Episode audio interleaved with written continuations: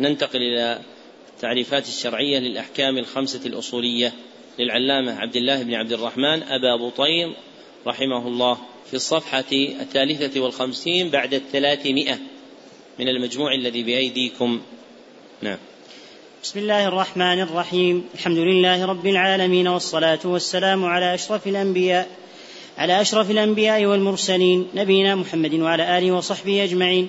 قال المصنف رحمه الله وغفر له ولشيخنا ونفعنا بعلومهما. بسم الله الرحمن الرحيم. القواعد جمع قاعدة وهي حكم كلي ينطبق على جزئيات لتعرف أحكامها. الواجب ما يستحق الثواب بفعله والعقاب بتركه والحرام بالعكس أي ما يستحق العقاب بفعله والثواب بتركه.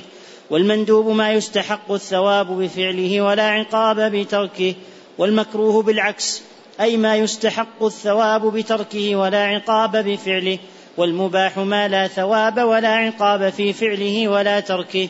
ابتدأ المصنف رحمه الله تعالى رسالته الوجيزة بتعريف القواعد تنبيها إلى أن أصول الفقه له قواعد شيد عليها وهذا أحد مآخذ بيان حقائق العلوم فإن العلوم تبين تارة بذكر قواعدها وتبين تارة أخرى بذكر الملكة التي تقع لمتلقيه وتبين تارة ثالثة بذكر النسبة بين تلك القواعد والملكة التي تستقر في نفس متلقيها. وأصح الطرائق في تعريف العلوم هو عدها قواعد. فيقال في علم مصطلح الحديث مثلا هو قواعد تعرف بها أحوال الراوي والمروي من حيث القبول والرد.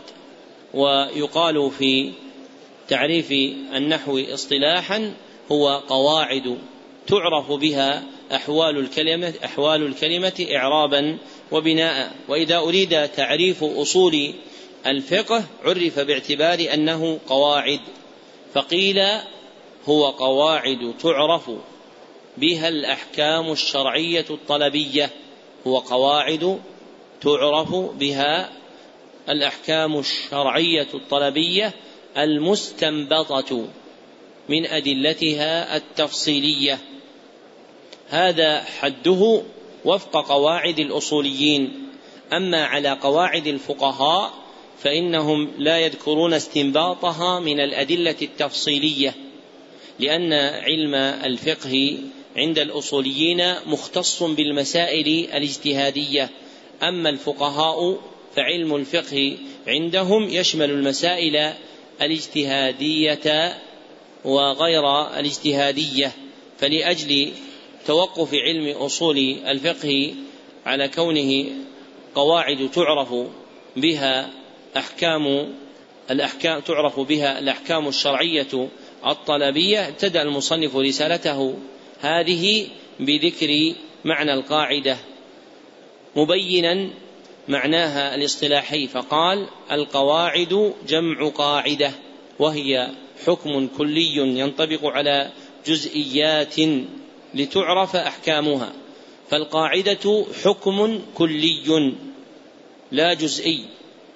والكلي هو الذي تندرج فيه أفراد كثيرة. وتخلف بعض الأفراد لا يقدح في الكلية ذكره الشاطبي في الموافقات.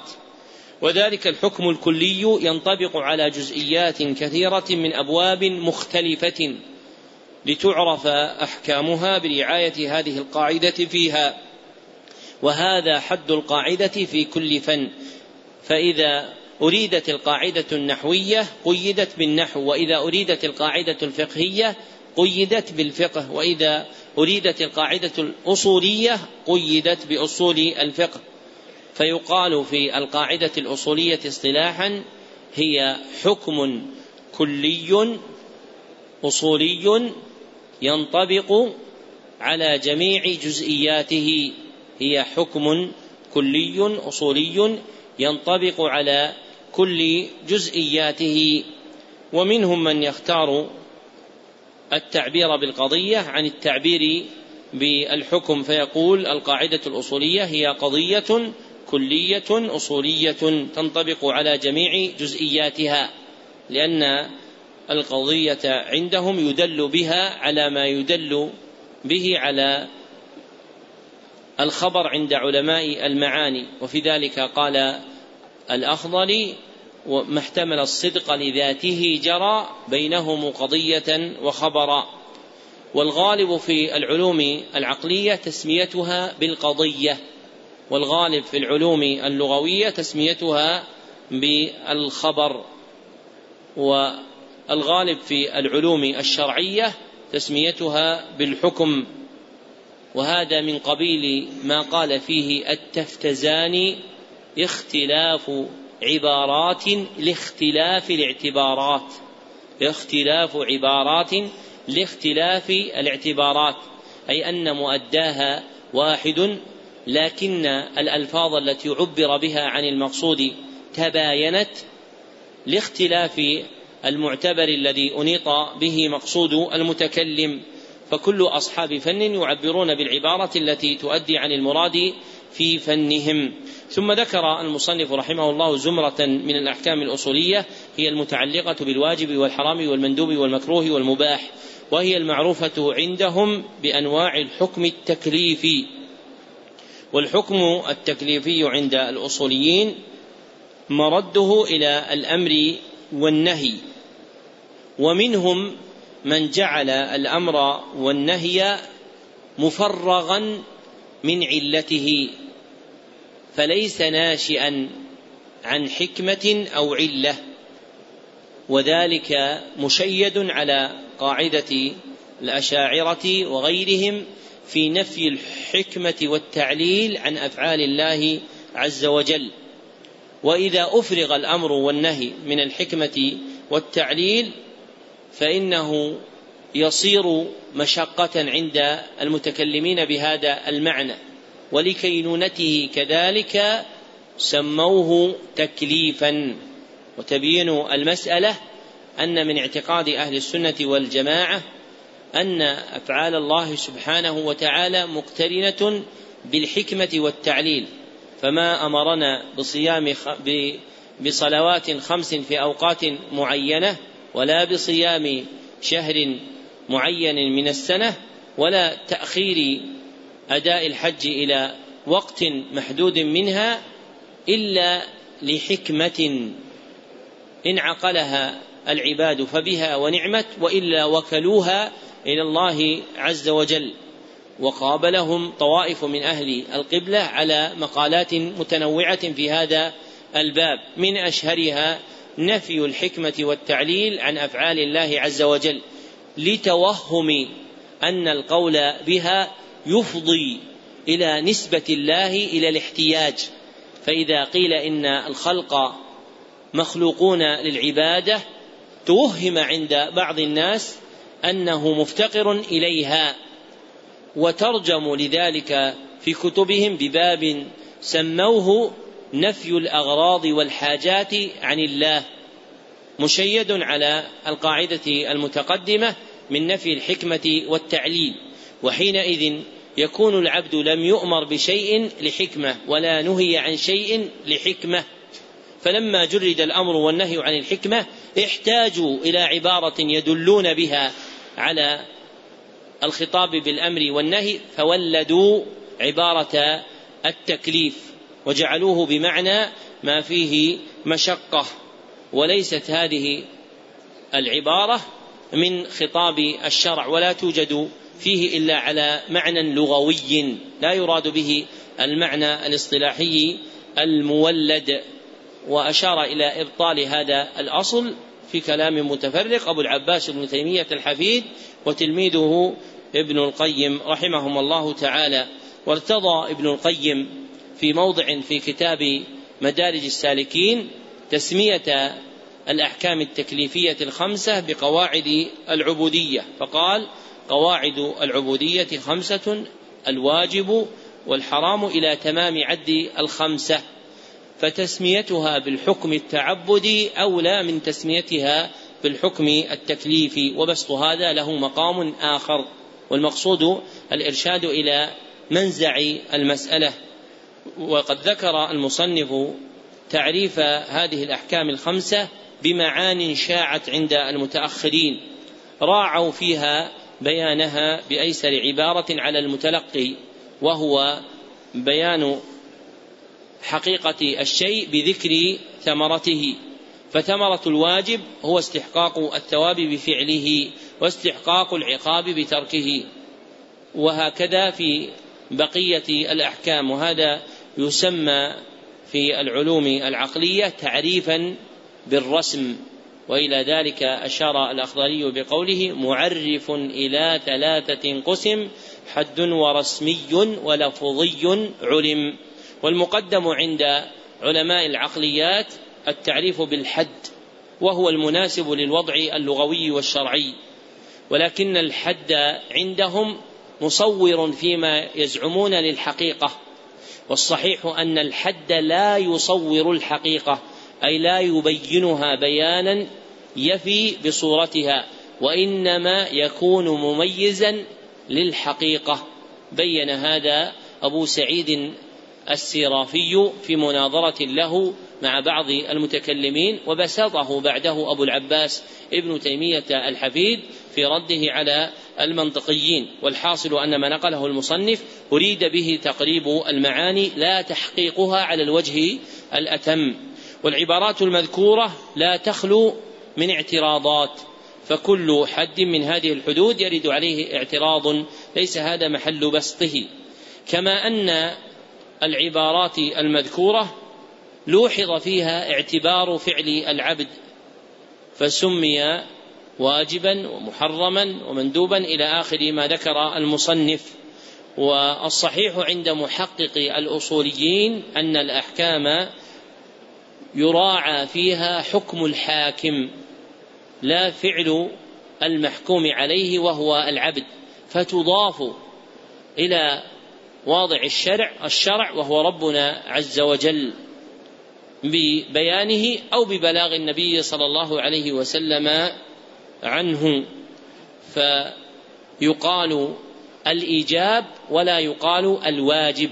والفرق بينهما أن الإيجاب اسم للحكم الشرعي بالنظر إلى صدوره من الحاكم به وأن الواجب اسم للحكم الشرعي باعتبار تعلقه بالعبد.